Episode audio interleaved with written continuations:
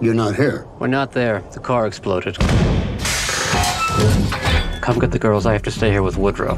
I'm not the chauffeur. I'm the grandfather. Where are you? Asteroid City, Farm Route 6, mile 75.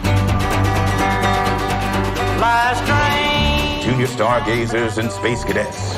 Each year we celebrate Asteroid Day, commemorating September 23rd, 3007 BC, when the arid plains meteorite made Earth impact.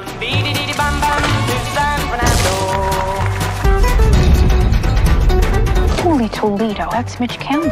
You're very good in the one about the tramp in the brothel who Thank gets you. amnesia and Thank becomes a pediatrician. You were very Actually, awesome. maybe my favorite character ever. I don't know why nobody else liked it. Oh. What do those pulses indicate? What? Oh, the beeps and blips? We don't know. Some of our information about outer space may no longer be completely accurate. Anyway, there's still only nine planets in the solar system as far as we know, Billy. Except now there's an alien.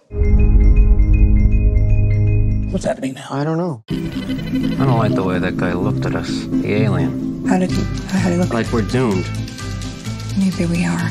I've just informed the president. How long can they keep us in Asteroid City legally? The world will never be the same. That's an alien doing jumping jacks. That's an alien in a top hat. What's out there? The meaning of life. Maybe there is one. Are you married? I'm a widower. But don't tell my kids. You're saying her mother died three weeks ago. Let's say she's in heaven. Which doesn't exist for me, of course, but you're Episcopalian. In my loneliness, I learned to give complete and unquestioning faith to the people I love. I don't know if that includes you, but it included my daughter and your four children. Sometimes I think I feel more at home outside the Earth's atmosphere. Oh wow. Me too. They're strange, aren't they? They're children. Compared to normal people. Yes, that's correct. It's true. Freight train, freight train, going so fast.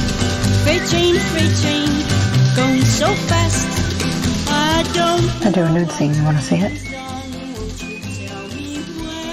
Huh? Did I say yes? You didn't say anything. Uh, I meant yes. My, mou- my mouth didn't speak.